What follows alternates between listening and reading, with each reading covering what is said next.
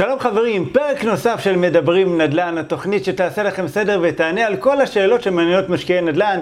אני קובי זהבי והיום אני מארח את דנה מליניאק. שלום דנה, מה העניינים? כיף, מה קורה? בסדר, מה קורה? איזה קורה? כיף להיפגש. ברור, הכי כיף בעולם. נכון. תודה שהזמנת. באהבה גדולה. טוב, אתה בהרבה תהליכים, ככה באיזה חופשה מתאילנד, גנבתי אותך, איזה כיף לי. לגמרי. אה, נפגשנו, אמרנו, יאללה, חייבים לעשות איזה פרק. דקה בני ישראל, בוא נתפוס אותה. בדיוק, נכון, מה, לא אגנוב, זה תירוץ טוב לקפה. אז אה, שמי, מי שעוקב אחרייך יודע ככה שיש לך סיפור מעניין ואת באמת עושה דברים, וואו, מטורפים, אבל מה, מי, בואי תספרי את. מה, מי, ככה? כן, תספרי קצת על עצמך, תציגי את עצמך, ומשם אנחנו נתחיל. יאללה, סגור. יאללה. אני בכלל לא הגעתי אה, מהתחום הזה של mentoring כלכלי, ותפס אותי אה, לפני כמה שנים, אני עשיתי קורס כלכלי, ופתאום הבנתי שיואו, כאילו, אתה מכיר את זה? כן. כמו שהיה, אני לא יודעת אם אתה זוכר שהאינטרנט יצא לעולם שלנו, ופתאום ראינו עוד עולם, פתאום יואו. כמה דברים אני לא יודעת בניהול כלכלי. לא ידעתי כלום, עד גיל 42 לא ידעתי כלום, עשיתי קורס, פתאום הבנתי כמה יש ללמוד בדבר הזה, והתאהבתי בתחום הזה, ועשיתי שינוי כלכלי כאילו מטורף אצלי בבית, ממש, כאילו שיניתי ב-180 מעלות, כל מה שעשיתי, כל הטעויות, כל הזה, כל הזה, אני יכולה לכתוב ספר, כן. 300 עמוד על טעויות אה, בניהול כלכלי, ולאחר מכן אה, עשיתי את הקורס הזה, עשיתי שינוי בעצמי והפכתי את זה למקצוע. מה זה קורס קורס לכלכלת המשפחה? כן, כן, גם השקלת המשפחה, השקעות, אה, זה, התחלתי ללמוד, הנדל"ן, שוק ההון, כל הדברים האלה, פתאום אני רואה שוואלה, תקשיב, הלם שכאילו הגעתי עד גיל 42 ולא ידעתי שום דבר מהדבר הזה. ואז הפכתי את זה ממש למקצוע, עזבתי את מה שעשיתי, הייתי עורכת דין, הייתי מנהלת מרכזי פיתוח קריירה, עסקתי בתחום הקריירה. החלטתי לעשות, אה, לעסוק בדבר דבר הזה, ומאז...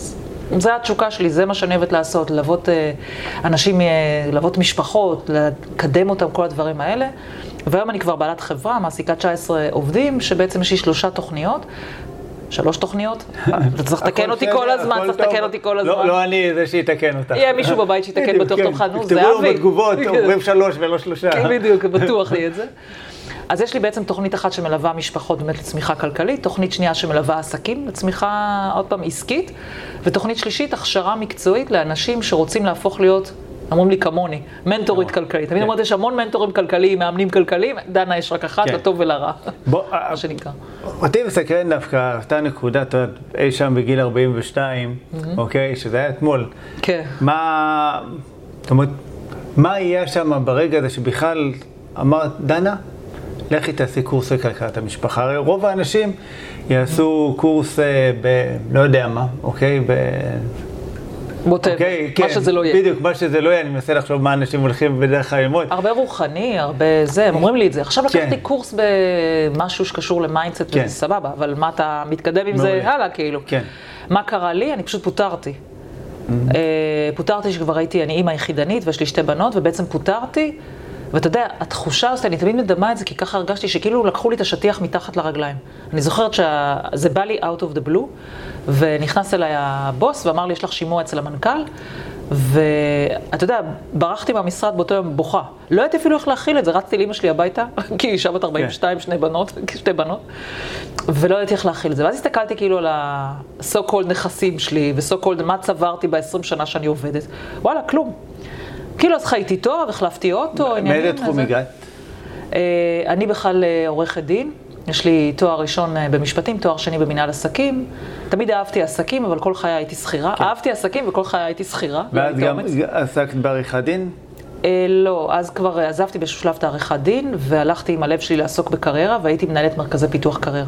התפקיד האחרון שלי כשכירה היה מנהלת מרכזי פיתוח קריירה, Mm. אוקיי. ברמה מאוד גבוהה. אה, התפקיד האחרון האחרון, ממש ניהלתי מרכזי פיתוח קריירה ארציים של איזשהו ארגון, אה, וממש הייתי מאוד בכירה, אתה יודע, עם תנאים, רכב, בלה בלה בלה, כל הדברים זאת האלה. אומרת, כל הפסיליטי, כל הטייטלים, כל הדברים. כן, אז חייתי טוב, כאילו לאורך השנים, 20 שנה בגדול, רציתי לנסוע לחו"ל, נסעתי לחו"ל, רציתי להחליף רכב, החלפתי רכב, חייתי בסדר, אתה יודע, פה ושם, אבל תכלס לא צברתי כלום, לא, לא השקעתי כלום, גם לא היה לי פנסיה, הרי פנסיה חובה נכנסה כשאני הייתי בגיל, נדמה לי 37, 38, כלומר כל החיים גם לא היה לי פנסיה. גם היום יש לי פנסיה מאוד זעומה באופן יחסי, כן. כי כמה אתה כבר צובר מגיל 38, נכון. או משהו כזה.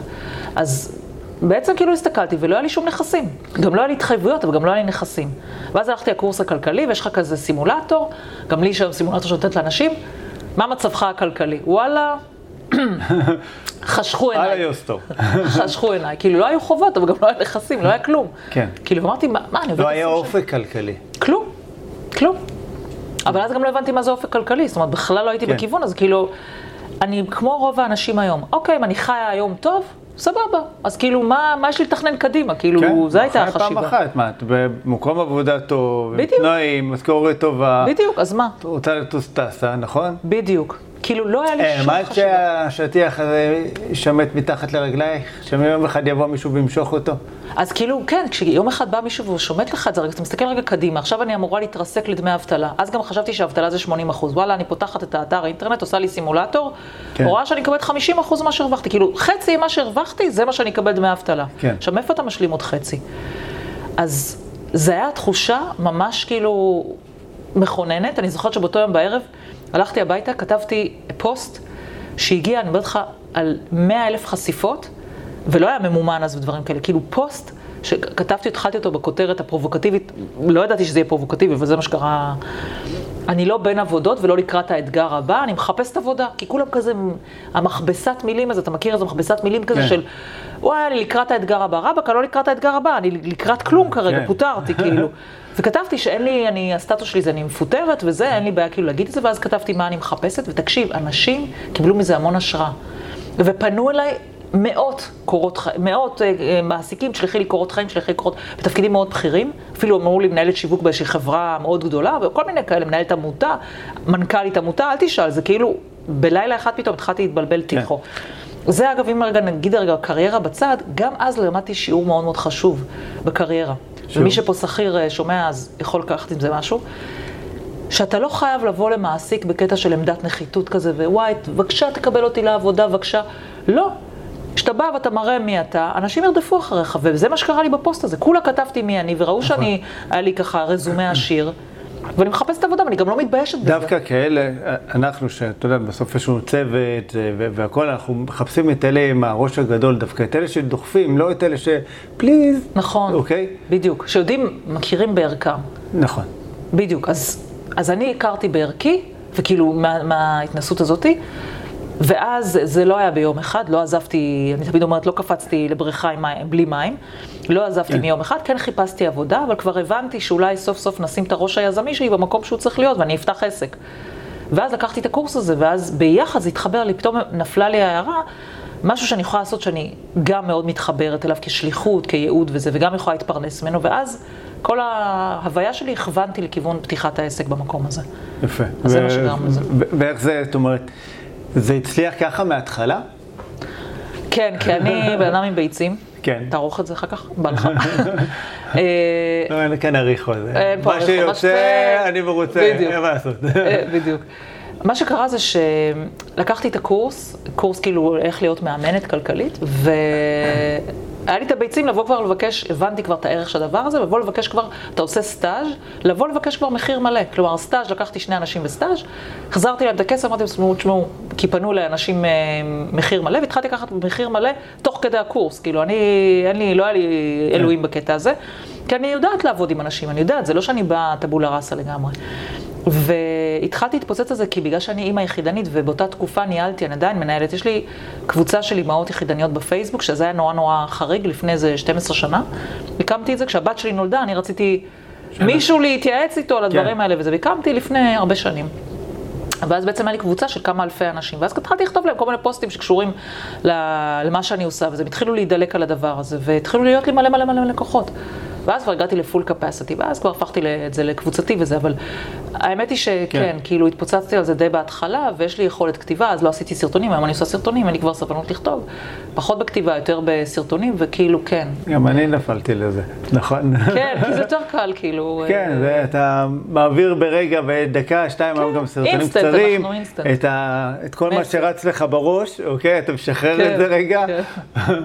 כן, בסדר, אנחנו עובדים על כן. אותו, באותו תדר, באותו קצב. דיברנו ו- עכשיו לפני זה למה קשה לנו לעשות פרקי סולו בפודקאסט, זה בדיוק העניין, כי אנחנו יודעים להעביר מסרים בדקה, אז עכשיו להעביר מסר בחצי שעה זה כאילו כן. אחרי עשר דקות כבר אמרתי את כל המסרים שלי, אפשר להמשיך, אז מה אני אעשה עשר, חמש דקות אה, פרק, אתה יודע, חמש, עשר דקות? תכלס. זה כאילו קטע. בואי נדבר רגע, את, מציגה את עצמך כמנטור אה, לחופש כלכלי, נכון? מה, זה אומר? ריבוי מקורות הכנסה. אני מציגה את עצמי. אוקיי. כמי שעוסקת בריבוי מקורות הכנסה. ומה עומד מאחורי ריבוי מקורות הכנסה? למה אני קוראת לעסק ככה? כי אני מאמינה היום שיש כמה מקורות הכנסה. אחד, יש שם מקור הכנסה, אה, שזה שאני למדתי שלא ידעתי כלום עד גיל 42, כל הנושא של המינוף הכספי שלך. Mm. באפיקי השקעה כאלה ואחרים, כן. מכסף אתה עושה עוד כסף, אז זה מקור הכנסה. בין אם אתה משתמש בזה עכשיו וממש חי מזה, בין אם אתה צובר את ההון ותחיה מזה בעתיד, אבל אתה עושה לך מקור הכנסה. מבחינתי, דרך אגב, זה אחד הקסמים המדהימים שאני. שאני הכרתי, לגמרי. אוקיי? לגמרי. אם, אם אני מסתכלת על הקטע הזה, נגיד ללמוד את הדבר הזה של ריבית דריבית, שהכסף צומח, זה כאילו היה כזה, כן. וואו. לא סתם איינשטיין אמר שזה הפלא השמיני. וואו, יש פה באמת פלא, כאילו לא ידעתי כן. על זה כלום לפני זה. אז זה דבר אחד. המקור אחד זה בעצם כסף, אפילו, אתה יודע, שאנשים לא יחשבו שכסף עכשיו זה 200 אלף שקל, זה גם יכול להיות 20 אלף שקל שצומחים, וגם אלף שקלים שצומחים, כן. כאילו, מכלום. נכון. אז זה דבר אחד, והחלק השני, מה שיש לך פה, בין האוזניים. כאילו, המקורות הכנסה, הרבה פעמים אנשים נורא לא חושבים על הכיוון הזה. למשל, דוגמאות טר- טריוויאליות, אם נגיד אתה עובד במקום עבודה ואתה יודע לעשות אה, אקסל כמו שצריך, למה שלא תעשה שיעורים באקסל לאנשים שצריכים את זה? למה שלא תעשה שיעורים פרטיים? אם את יודעת לאפות, אם אתה יודע לעשות כל מיני דברים, כאילו, כן. מה שיש אני לך פה... יכול להגיד לך שאני יכול למנף. הייתי מטפל ברפואה סינית. כן, שזה היה סקופ בשבילי. זה היה סקופ. בשבילך. עכשיו, אני אפתיע אותך, שאני מאוד אוהב לבשל. ו... ויום אחד פשוט פתחתי, הקמתי איזה בלוג של בישולים, ו... ובאופן הכי תמים שבעולם. והתחלתי לזרוק קצת כישורים אה, ומתכונים כזה בכל מיני קבוצות של בישול בפייסבוק. זה התרומם, זה... עם... פסיכי. י- יש, כן, כמות מטורפת, זה אלפי אלפי, שזה 16 אלף עוקבים, ו- ובאמת, וכאילו, מאסטר שף פנו אליי ו- והכל. איזה כיף. כן, והכל, דרך השם שלי לא מופיע שם. אבל זה באמת לקחת את המשהו הזה שאתה טוב בו ושאתה אוהב אותו, ולמנף אותו, והוא גם מכניס, אנחנו יושבים כאן ועדיין מכניס כמה שקלים. בדיוק. אוקיי? וזה קצת מזה וקצת מזה. אז הנה, אתה מראה ממש דוגמה, איך אפילו משהו הכי כאילו טריוויאלי, מה, איך אני יכול להרוויח מזה, אם אתה רגע טיפה פותח רגע, והיום, באמת, באפשרויות של האינטרנט, היום אתה יכול להרוויח מכל דבר, באמת, מדברים שטותיים לחלוטין, כביכול. אז זה כן. מה שאני קוראת לכל אחד, תחשבו רגע איך אתם יכולים לעשות את ה... אתה יודע, את המינוף הזה, אפילו דברים שאתה חושב, כי כולם אומרים לי, אני לא יודע לעשות כלום, וזה לא נכון. אתה יכול לעשות מהדברים שאתה יודע. אני אתן לך דוגמה אפילו הפוכה לגמרי. אם נגיד יש אבא או אימא למשל שמטפלים בילד עם צרכים מיוחדים שלהם, הפרטי בבית, ולמדו מזה דבר או שתיים, תחשוב כמה הם יכולים לעזור לאנשים שעכשיו גילו שיש להם ילד עם צרכים מיוחדים. כן. כמה הם יכולים ללוות אותם, הן רגשית, הן בטיפים, הן בכל דבר. כל התנסות שלך. בחיים היא משהו שאתה יכול למנף. אז לכן זה ריבוי מקורות הכנסה. נכון. אל תחשוב רק על העבודה שלך כשכיר, 9 to 5 וכולי, אלא תחשוב מה אתה יכול אקסטרה. ואתה יודע, אני אתן לך סיפור. העסק שלי, שהיום הוא חברה בעם, בסדר, כבר כמה שנים, התחיל בימי שישי בבוקר, שהכניס 500 שקל לחודש, זה מה שהיה העסק שלי. כאילו, לא התחלתי חברה בעם. כן. לא חשבתי בכלל שזה יגיע לדבר כזה. התחלתי ב-500 שקל לחודש. ימי שישי עד שבע בבוקר, לקוח או שתיים, אחרי זה כבר עברתי לסקייפ בזמנו, לא היה זום. כאילו, וזהו. וזה התחיל לרוץ. זה מתחיל. התחיל להניע את עצמו. נכון. מדבר כזה שטותי. אבל זה בדיוק העניין הזה, המילה הזאת שנקראת להתחיל.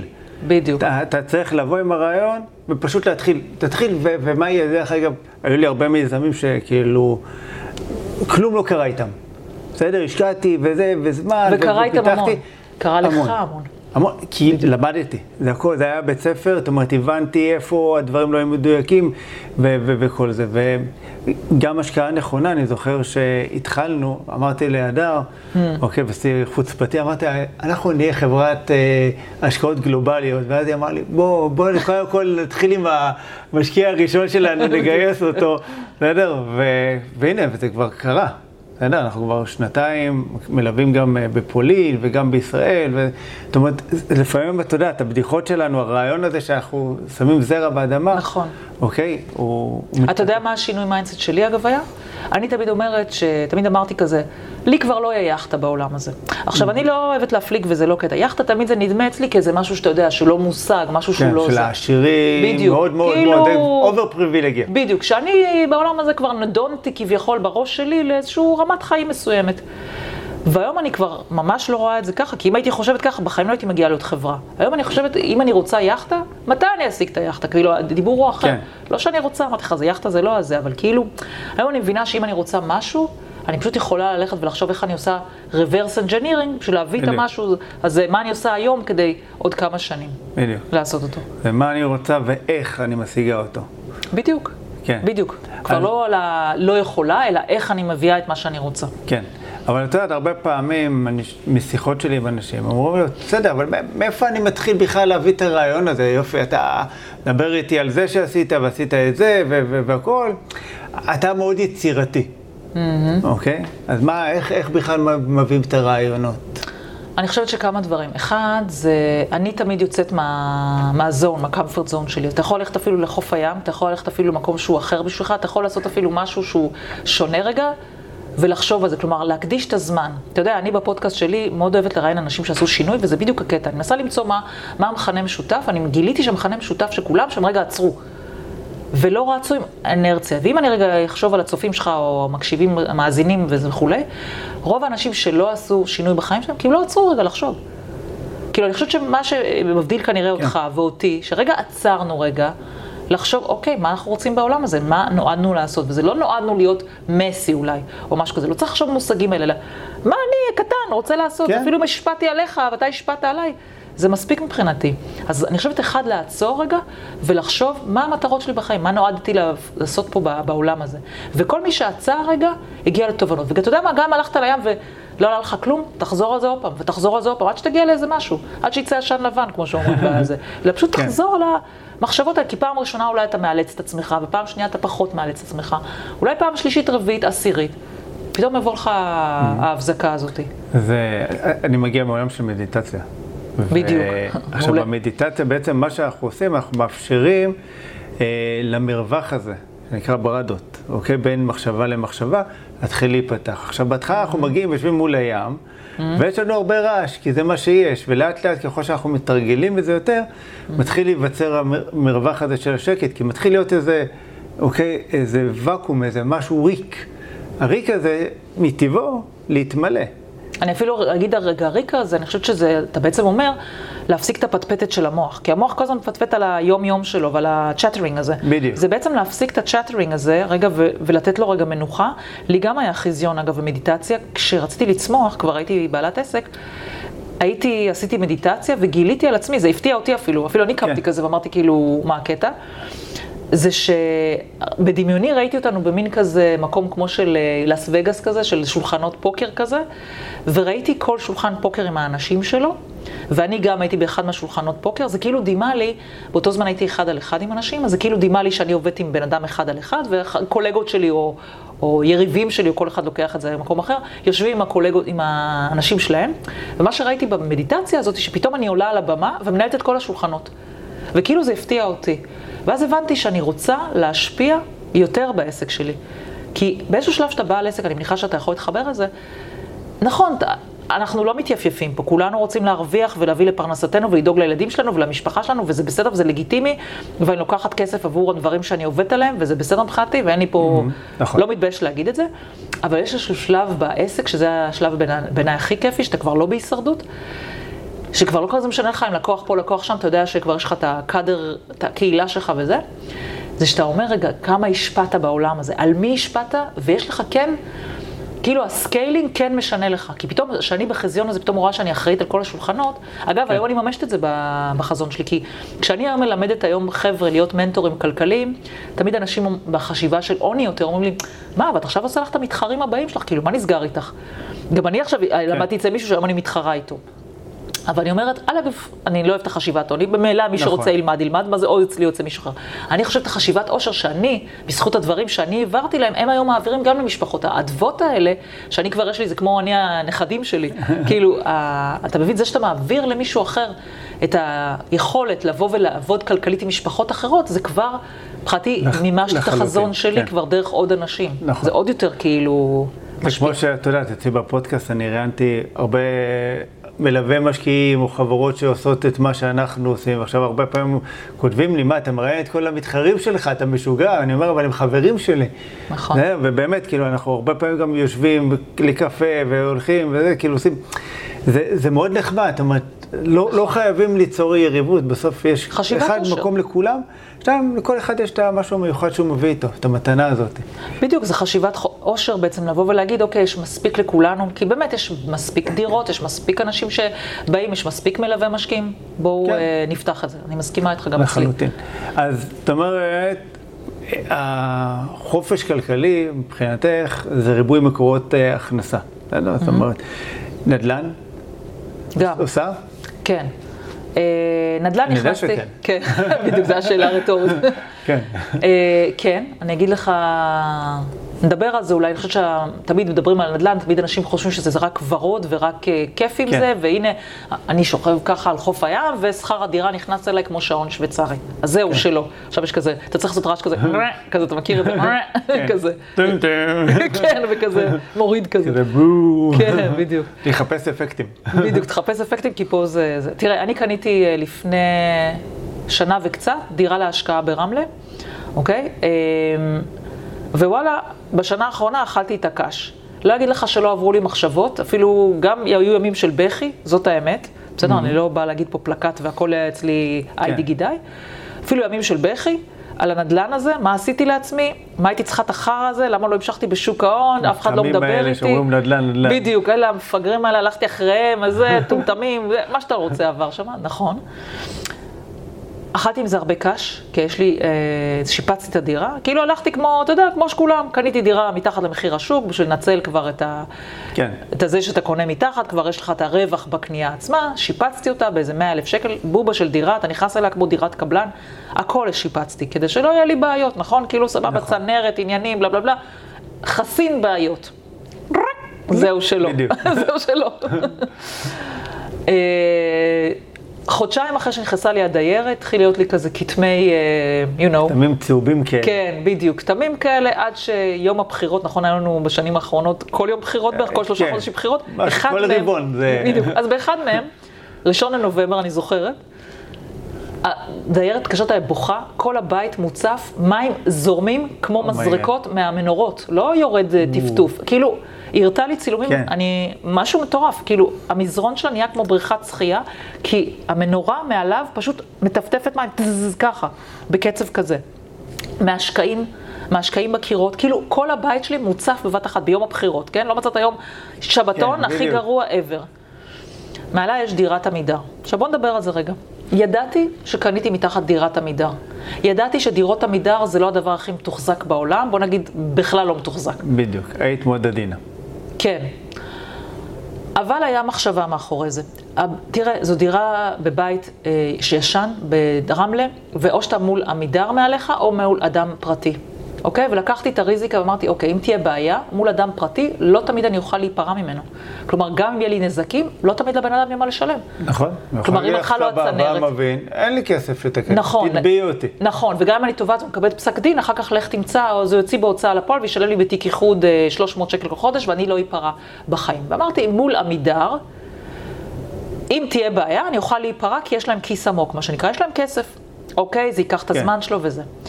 לא ידעתי באותו זמן כמה זמן זה ייקח מול עמידר, וכמה קשה לעבוד מול החברה הזאת ברמה פסיכית, אוקיי? אין לי בעיה להגיד את זה פה, אני אכלתי מהם קש במשך שנה שלמה, עד שלא הייתה לי ברירה, והגשתי תביעה אה, למפקח, המפקחת על הבתים משותפים, אוקיי? כי כל חמש דקות, תקשיב, היה לי נזילות כל הזמן. כל הזמן נזילות. הבית שלי נהרס ברמה של בית בובה מקבלן, נהיה גועל נפש של בית. פשוט גועל נפש. הסוחרת, שהיא אישה מבוגרת, בוכה לי כל שני וחמישי, עד שאמרתי לה, תקשיבי, יקירה, אני פותרת אותך משכר דירה. ותבין, גם המשכנתאות שלי עלה, אם, אם התחלתי עם משכנתה 3,300 וקיבלתי שכירות 3.5, היום אני כבר ב-4,200 עם שכירות של 3.5, בסדר? זה המשמעות של זה. ותוסיף אחר כך שוויתרתי לה על שכר דירה, תבין שכל חודש יורדים לי 7,000 שקלים, 4,200 ועוד 3.5, אפילו מעל, על הדירה המחורבנת הזאת, סליחה על הביטוי, אבל זה מה שהרגשתי כלפיה, פשוט שנאתי אותה ברמת על. ושוב, הגעתי לתביעה בבית משפט, המון שכר דירה, אה, שכר אה, טרחה, סליחה, לעורך דין, זה לא מעט כסף, היה צריך להגיש בקשות, כן. להקדים פגישה, להגיע לבית משפט, טה טה טה טה טה טה טה, בסוף קיבלתי פסק דין לטובתי. בואו, תוך 30 יום תתקנו, אוקיי? הם עמדו ב-30 יום, עכשיו אנחנו בשלב שהם צריכים תוך עשרה ימים מ-30 היום בעצם לתקן אצלי. אממה, המפקחת על הבתים משותפים, מה אני אגיד, עם, עם כל הכבוד, לא בקיאה בשכרי טרחה של עורכי דין, פסקה לי סכום מגוחך שלא מכסה רבע מזה, וגם, בוא, הפסיקה שלה כאילו רחוקה ממה שאני באמת הוצאתי, העלות הכספית. אני צריכה כן. עכשיו להגיש שלב ב', אחרי שקיבלתי פסק דין טובתי, בקשה לבית משפט, תביעה משפטית על כל הנזקים שנגרמו לי. עד היום הוצאתי לדבר הזה כבין 50 ל-60 אלף שקל. וואו. אוקיי? זה לא משהו שצפוי, זה לא משהו שהתכוונתי אליו, ואני אגיד לך יותר מזה. בת... כל אחד שהוא בא לקנות דירה, אני מניחה שאתה מלמד את זה ויודע את זה, אני אגיד את זה רגע פה, צריך לתכנן, לתכנן כלכלית את הדבר הזה. נכון. בין אם בהון ובין אם בשוטף שלו. כן. שני המקורות האלה צריך לתכנן. אז אני אמרתי, אני מתכננת כמו שצריך. אוקיי, לקחתי את הדירה הזאת, אגב, במינוף מלא. זה לא מתאים לכל אחד, אבל אני בן אדם ש... נכון. זה לקחתי מינוף מלא. כלומר, גם, גם ההון העצמי שלי זו הלוואה, וגם, כמו שאמרנו, משכנתה. לפני שנה וחצי עוד היה אפשר דרך הבנק, אני חושב ש... שזה היה כבר חוץ-בנקאי. לקחתי את זה, מינפתי את, היה לי, יש לי פוליסת חיסכון, פשוט מינפתי אותה. אה, לקחתי אוקיי, הלוואה על אוקיי. חשבונה, עם פריים מינוס חצי, שזה היה כן. סבבה לגמרי. הפריים אז היה 1.6. מי תיאר? מי תיאר בדיוק, תוריד, זה היה 1.25, משהו כזה. כן. 1.1 בעצם כן. זה היה. והיום זה כבר 6 ומשהו, תוריד אה, חצי, זה 5 ומשהו, קרוב ל-6, כן. סבבה? כן. אז בוא נגיד שזה קפץ לי פי ארבע ההחזרים החודשיים, אוקיי? אז זה גם משהו שיושב לי על התקציב, אבל לקחתי את זה בחשבון. אז לקחתי מינוף מלא, זאת אומרת, גם את זה אני משלמת וגם את המשכנתה. אני חסרת אה, בית מגורים, תרצה נדבר על זה, לא מאמינה בבתי מגורים ובקטע הזה שהם הם, הם אלה שנותנים לי את הביטחון הכלכלי, אני לא חושבת, כן. אני חושבת ש... אנחנו כבר נדבר על זה. בדיוק, הון יכול נותן להיות לך. מעניין. בדיוק. אז בעצם מה שקרה זה שנערכתי מבחינת ההון, סבבה, ואמרתי את כן. השיפוץ הזה, תיארתי לעצמי שאני אוציא איזה 100 אלף שקל שיפוץ, כי אני אקנה משהו שהוא לא משופץ. אז אמרתי, אני אקח את זה מההון. אממה, לא חשבתי לעצמי שבאותו זמן היו ירידות שערים מאוד מאוד גדולות, ואמרתי, אני לא רוצה לקבע את ההפסד. אז אני אקח מהשוטף שלי. אני מסוגלת, הסתכלתי את התקציב שלי, עוד פעם, אני מאוד מחושבת כלכלית, מן הסתם מנטורית כלכלית. כן. אמרתי, סבבה, את השוטף שלי, המזגנים, הזה, העריכים, בלה בלה בלה בלה, 100 אלף שקל, נפרוס את זה כך או כך. באמת עמדתי בזה. עמדתי ב... אבל הכנסתי את השיפוץ בכל הקטע השוטף. עכשיו, על השוטף הזה עכשיו תוסיף את מה שאמרתי לך, עליית ריביות מצד אחד, ויותר מזה, פתאום עכשיו תביעה, עורך כן. דין, בלה בלה בלה בלה בלה. זה שם לך חנק, ולא סתם אמרתי לך שהגעתי למצבים שהם של בכי נכון. מול עצמי, שמה אני עושה עם החרא הזה, עם הזבל הזה. כן. הדבר היחידי שהחזיק אותי באותו זמן, אני קניתי במיליון, שהשכנים שלי שיש להם בית לא משופץ, אמרו לי שכבר הציעו להם מיליון ארבע מאות על הדברים שלהם. אמרתי, אוקיי, אוקיי. תנשמי עמוק, מתי שזה יחזיר את ההשקעה, הזבל כן. הזה, כאילו. יש סיכוי ש... בדיוק. אני אראה מזה אני משהו. מורווחת אה, בדרך כזו או אחרת. בדיוק. אבל אני אומרת, וגם אני אומרת לעצמי, תקשיב, זה שיעור לחיים. כן. זה שיעור החיים על ה mindset, כי אני אומרת לך, הרבה פעמים נשברתי. ו- וכן אמרתי, אוקיי, אוקיי, בואו ניקח את זה בפרופורציה, עכשיו, אבל אחר כך תהיה לי דירה משופצת חזרה כמו שאני רוצה, וסוף סוף לא יהיה לי, אה, זה מעליי כבר לשפץ, ובאמת, הם שיפצו בזה 20-30 אלף שקל, כי זה מה שהיא קבעה עליהם, הבאנו מומחה מטעם בית משפט. גם פה, תקשיב, הם דחו את המומחה מטעמי, הוצאתי המון כסף על הדבר הזה. כל דבר הם דחו. בסדר? אז בעצם בשנה הזאת אכלתי קש. אבל נקווה, אתה כן. תראיין אותי עוד שנה ואני מקווה שאני אגיד לך שהשנה אני אוכלת רק אה, אה, דברים טובים. דבש. כן. בדיוק. וכנאפה. כן.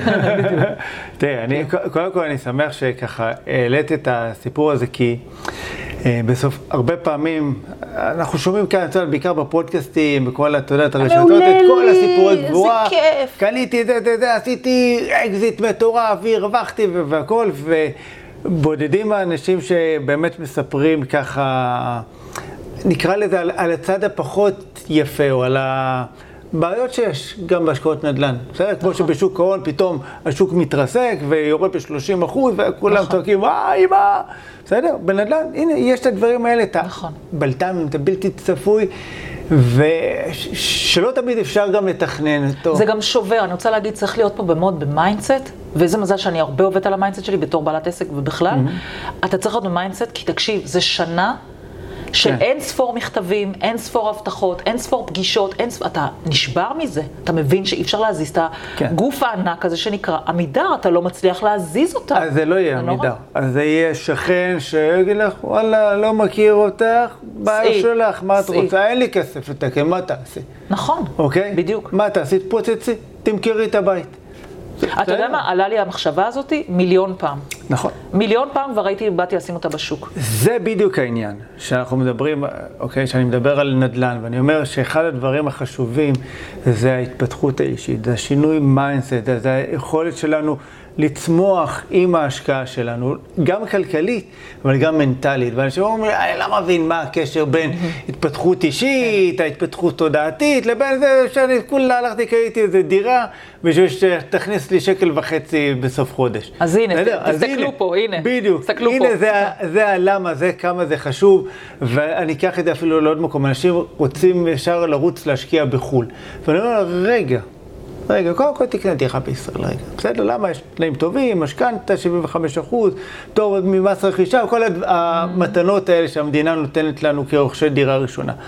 אבל יותר מזה, קודם כל בוא תראה שאתה בכלל במייסט הנכון להיות משקיע נדל"ן. כי באמת ראיתי מספיק אנשים גיבורים לגמרי. ואלופים, אנשים מקסימים.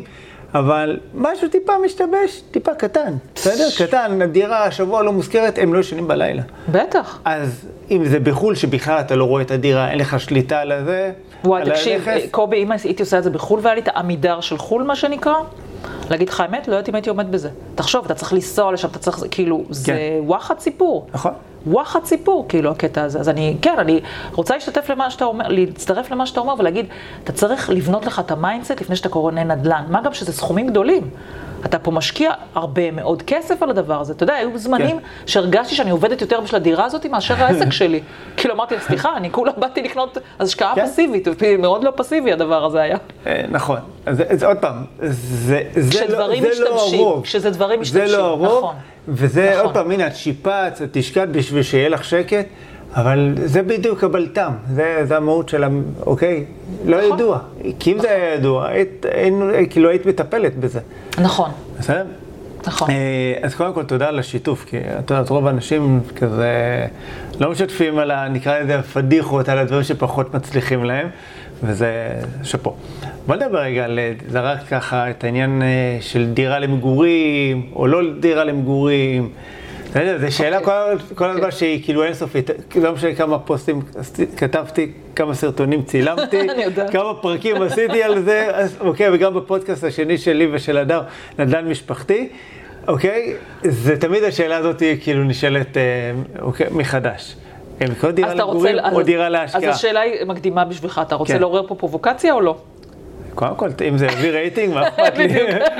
אם זה ישמור את הצופים והמאזינים, בטח. תראה, אני אגיד לך את דעתי. קודם כל, גילוי נאות, אוקיי? אין לי דירה למגורים. כן. ופעם הייתי מתביישת בזה, גילוי נאות. כאילו, פעם באמת? להגיד, כן, פעם להגיד שאתה בלי דירת מגורים, אגב, אני אתן לך דוגמה, בסדר? אני, אני אפילו ארחיב לך למה, למה אני התביישתי בזה, אוקיי? אנשים, במיוחד פה, אני מדברת על ישראל, בסדר, לא מדברת מקומות אחרים, מאוד מודדים אותך באמצעות ההצלחה. ההצלחה שלך נמדדת באמצעות איך שאתה נראה. אוקיי? באמצעות כן. מה שיש לך. יש לך דירה, צ'ק. יש לך אוטו, ג'יפ בכלל, צ'ק, וכולי. נכון. לפני כמה זמן, אוקיי? חברה ואני הלכנו ליד האוטו שלי, לא מתבייש להגיד, אוטו שיש לי משנת 2012, רנו פלואנס, מתה עליו, נוסעת אותו לאילת בכיף, אבל מה? לא ג'יפ, לא נראה כמו ג'יפ. אמרתי, תגידי, את יועצת כלכלית, באה, מדברת חופש כלכלי, את נוסעת בכזה דבר? כתבתי על זה פוסט שהתפוצץ ברשת, בסדר? כי אני באה ואומרת, תראה, וזה אגב, תקרא, את הביוגרפיות של כל, הבחיר, כל האנשים העשירים כן. והמצליחים, כן? אז יש כאלה בהגזמה, כמו וורן באפט שעוד הולך למקדונלדס, אז הוא סיפר שהוא היה הולך למקדונלדס לאכול ארוחת צהריים. לא צריך להיות בהגזמה. אבל אני אומרת עוד פעם, בעיניי, בשבילי זה לא צ'ק לעשות דירת מגורים. אני לא ראיתי בזה איזשהו משהו, אוקיי? ששם אותי במקום של גילוי נאות מצידי, בסדר? וואו. שיחה הוגנת. כן. אני גר בדירה למגורים, בסדר? אחר כך כבר אנחנו ננהל רגע את ה... אני בכוונה כן, כן. פותח את זה, לה- כן. להציג שתי זוויות. לגמרי. בסדר? להראות, רגע, שנייה, וואי, נדל"ניסט גר בדירה למגורים? בסדר. לגמרי, לגמרי. נפתח את זה, אני כבר- רוצה כבר- שנפתח את זה. כן. אז אני אגיד לך יותר מזה, נכון, סיפרתי לך לפני כמה שנים, לפני איזה עשור, עשיתי את הקורס והחלטתי, שיני, עשיתי שינוי. דקה לפני הקורס הזה, אני אומרת לך, הייתי במשא ומתן מתקדם לרכוש דירה למגורים, עם כל ההון שהיה לי. כמו כן. כולם, כמו 99.9 מהמאזינים לנו עכשיו, או שיעשו את זה, או שעשו את זה, או ש... וכולי. כן. גם הייתי שם, זאת אומרת, אני לא באה ואומרת, אני לא באה איזה. כן. רצה הגורל וזה הסתבך מבחינה משפטית, לא יכולתי לעמוד בחוזה ולא חתמתי בסוף על החוזה. ימים של בכי, וואלה, אני מצטערת פה, מה זה בוכה, אני חושבת על זה, אבל זה בדרך כלל, בדרך כלל אני מדברת על עשור, כן? כאילו, כן. שלא יצטער שכל יום. בוכה. כן, בדיוק. באמת, על זה שפספסתי את הדירה, זאת הדירת חלומותיי. אגב, לימים, סוגריים, אני אגיד לך, בנו, אנשים מסביבה בנו בהיתר, מפלצות. והיום אני שמחה שלא קניתי את זה, כי אז זה היה נראה כזה בית קטן בערבה, והיום זה היה נראה דחוס עם שניים שבנו מהצדדים. אז אתה יודע, כל דבר, דבר טובה, אני מאוד מאמינה בזה. כן. בקיצור, אז באתי לקנות גם את ה... עם כל ההון שלי. בקיצור, אם אני אקח את עצמי קדימה באותה דרך פעולה, הייתי בעלת בית היום, אבל בלי הון. שזה גרוע מבחינתי היום, כשאני חושבת על זה, אוקיי? עכשיו, אם אני לוקחת את עצמי היום, אני לא מתביישת להגיד שאני גרה בשכירות. למה? כי יש שנים שאני, שאני שילמתי שכירות X, והכסף שלי המושקע עשה פי שלוש. לא פי פעם אחת, פי שלוש. כלומר, נגיד שילמתי 30-40 אלף שקל, הכסף שלי עשה פי שלוש. עכשיו, בן אדם בר דעת מבין כן. שהרווח עדיין נשאר לי שני שליש אצלי, כלומר הרווחתי שני שליש, אוקיי? עכשיו אני מכירה, אני אימא יחידנית לשתיים, מכירה את הלחץ הזה שכולם אומרים, תקשיבי, מחר הבעל הבית מעיף אותי, מחר זה ומחר נכון. זה. אבל אני רוצה לתת רגע תמונה הפוכה, אוקיי? בעוונותיי הייתי עורכת דין שעסקתי בהוצאה לפועל. של בנקים למשכנתאות, בין היתר. אוקיי? וראיתי לא מעט אנשים, כמוני וכמוך, לא תגיד אנשים שהם, לא יודעת, כן. כזה ארבעה ילדים עם שכר מינימום. אנשים, גם הייטקיסטים וכאלה, שלא יכלו לשלם את המשכנתה. באיזשהו שלב נתקעו בין אם פוטר, בין אם הוא פה, בין אם הוא חלה, בין אם הוא... לא משנה מה, הגיע שלב שהם לא יכולים. אחרי חצי שנה נכנס ההוצאה לפועל, מקצרת לך, אחרי איקס זמן, אתה יוצא מהבית שלך, בכוח, בצו בית משפט, וראיתי לא מעט פינויים בכוח של אנשים, אוקיי? כולנו נצרב אגב אז פינוי... אה, גוש בני, קטיף. בדיוק, פינוי גוש קטיף. הרבה סיפורים כאלה ראיתי ביום יום שלי, במה שהצגתי.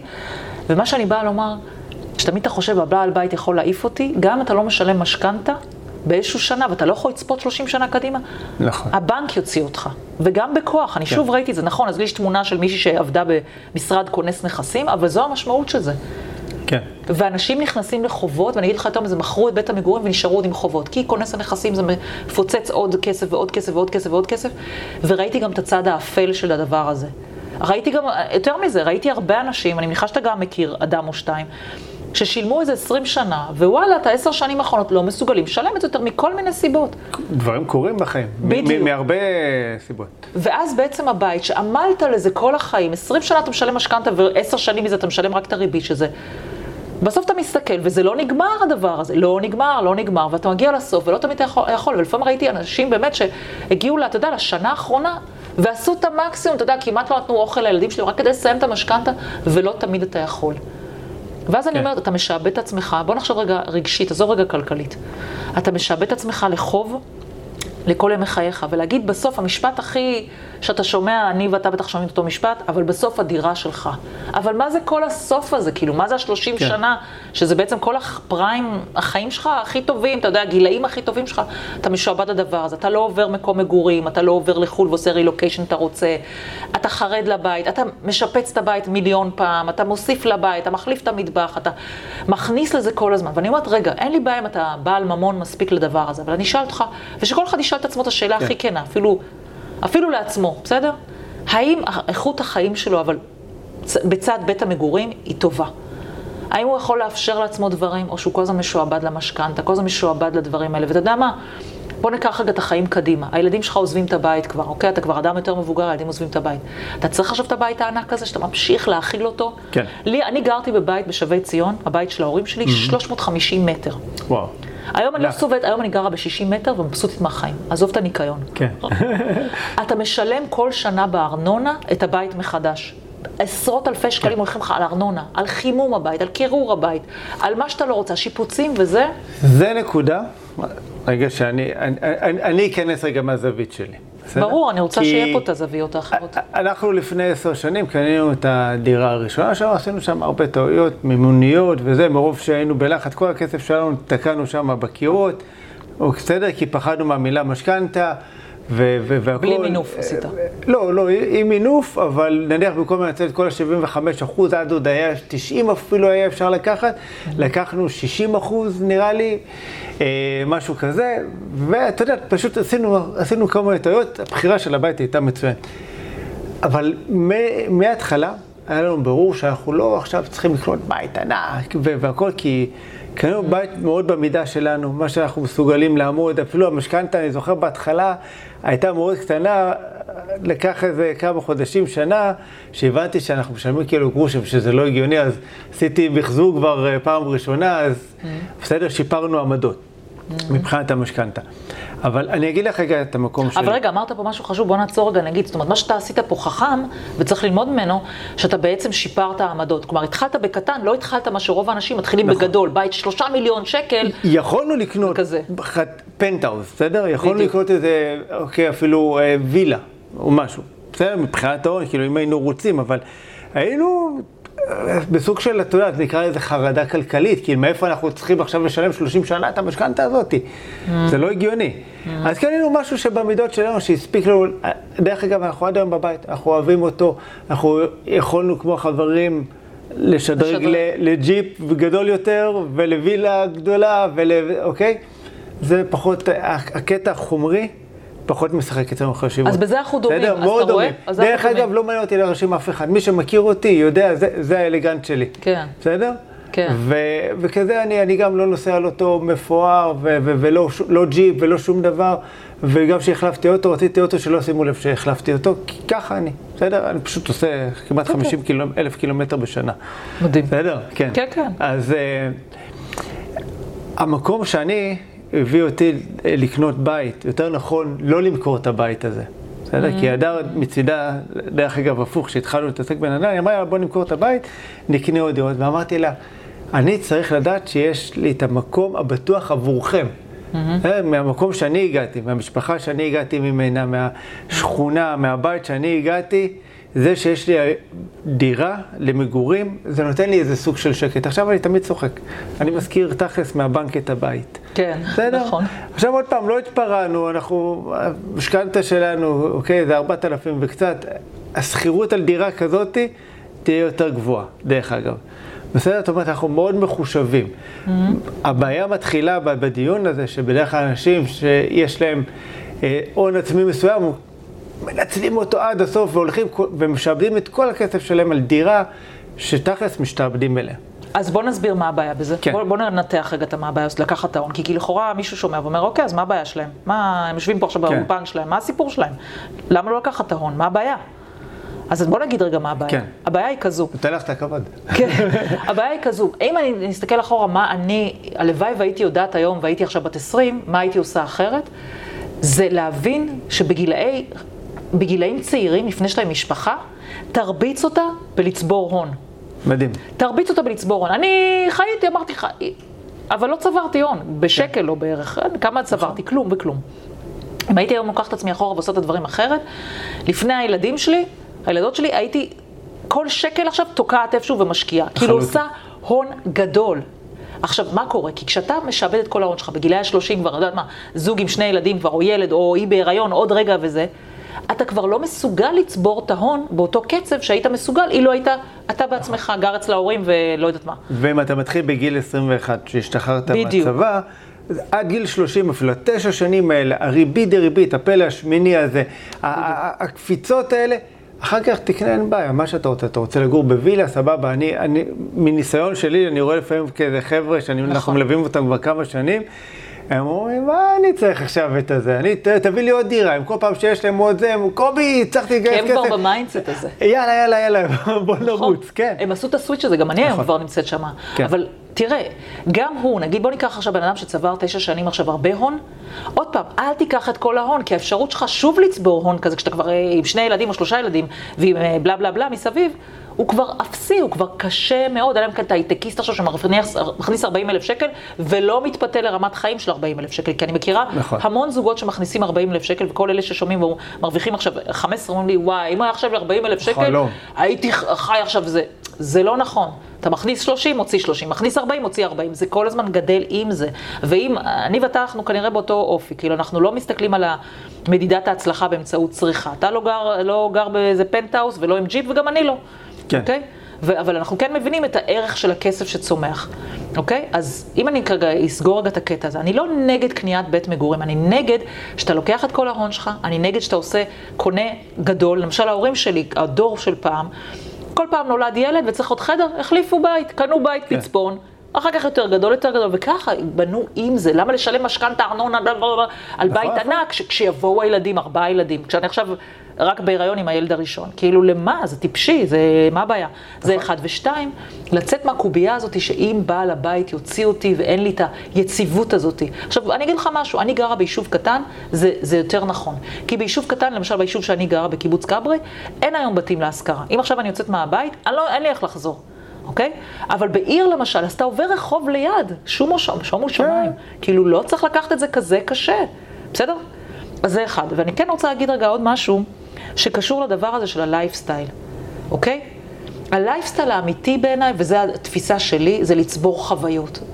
נכון. זה, זה לעשות עם הכסף הרבה. גם, אגב, זה היה הלייפסטייל שלי, אגב, גם לפני כן. כלומר, כשאני הייתי אומרת לך בגילי בין 20 ל-40, על מה יצא הכסף, זה בעיקר באמת טיולים לחו"ל. הייתי עושה חודש פה, חודש שם, הרבה כסף הלך על הדברים האלה. לא טיול אקסטרווגנטה, אבל הרבה כן. מאוד טיולים. למה? כדי לבוא ואתה יודע, לחיות את החיים as is. אז אין בעיה, בואו נחשוב רגע, האם אני רוצה מוצר, או בית, או משהו כזה שאני אענה ממנו בדקה הראשונה שאני שם, וכשחברים באים אז אני כאילו אהיה מבסוט על עצמי, אבל ביום יום שלך, כמה אתה נהנה מהדבר הזה, או כמה אתה משועבד לדבר הזה. זה, זה התפיסה נכון. שצריכה להיות. אם את- כשאתה משועבד והחבל כאן כבר חונק אותך, אתה לא רואה את היופי, את- הבית היפה, אתה לא רואה את ה... לא יודע, את החצר הגדולה, מה שיש שם. אתה, אתה, אתה מרגיש בפנים שאתה חנוק, וזה, וזו תחושה איומה. נכון. בסופו של דבר. אז אנחנו אמנם גרים בדירה למגורים, בסדר, משכנו, הוצאנו כסף אה, זה, וקנינו איתה עוד דירות, ו... אבל בסופו של דבר, את ההון שלנו, אוקיי? אנחנו, כל הזמן שיש, מה שאנחנו חוסכים, אנחנו משקיעים, ודיברת על, אה, על, נקרא לזה, על רמת חיים, אוקיי? או איכות חיים, בסדר? אז הרמת חיים שלנו, דרך אגב, ההכנסה גדלה מאוד, אבל הרמת חיים... האיכות- השארנו, אותה- השארנו אותה כן. כמעט אותו דבר, בסדר? בטוח עלתה טיפה, אבל יכולנו להעלות אותה עוד הרבה יותר, אבל האיכות חיים השתפרה, כי יש לנו היום את, ה, את היכולת להחליט שהיום אנחנו סוגרים את הבאסטה בשעה שלוש, הולכים לבלות עם הילדות, עכשיו אנחנו נוסעים, עכשיו אנחנו לא יודע מה, טסים לחו"ל, בסדר? עוד פעם, גם הכל במידה. נכון. כי בסדר, זה, זה אחלה לטוס לחו"ל ולצבור חוויות וזה הכל כיף, אבל אתה תמיד צריך לזכור את התוכנית הגדולה שיש לך.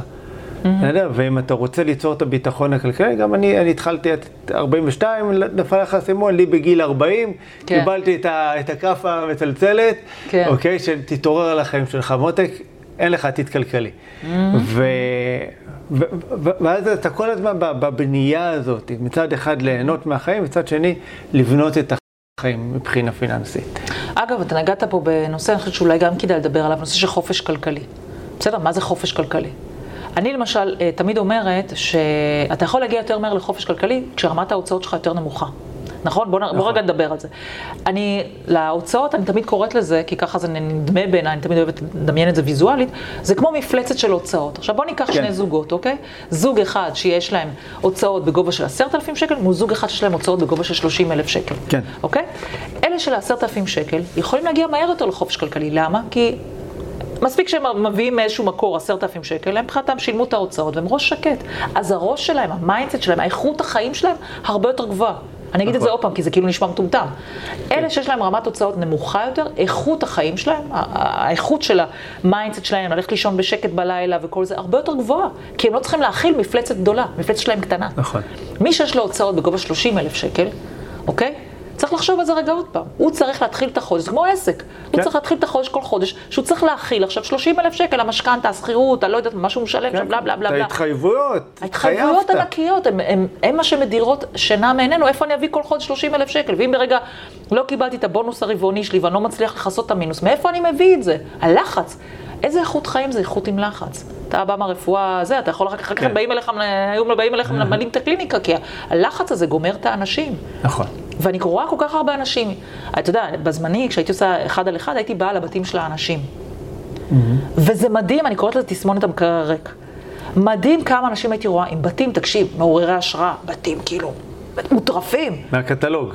כן, אני אגב לא יכולה, אני, יש לי בעיה כזאת, אני מקבלת, אה, יש לי סוג של, אה, אני למשל לא אוהבת להיות מלונות פאר, או דברים כאלה, זה מרגיש לי כאילו בת הכפר אנחנו הקטנה. יותר דומים ממה שידעתי שאנחנו. דומים. כן. אני לא יכולה, מקומות כאלה עושים לי, נגיד אם אני באה למישהו בבית שלו נקי בטירוף, והוא כזה כולו, אני מפחדת להזיז את הכוס כזה כן. שלא מרגישה נוח, כאילו בבית מרקחת.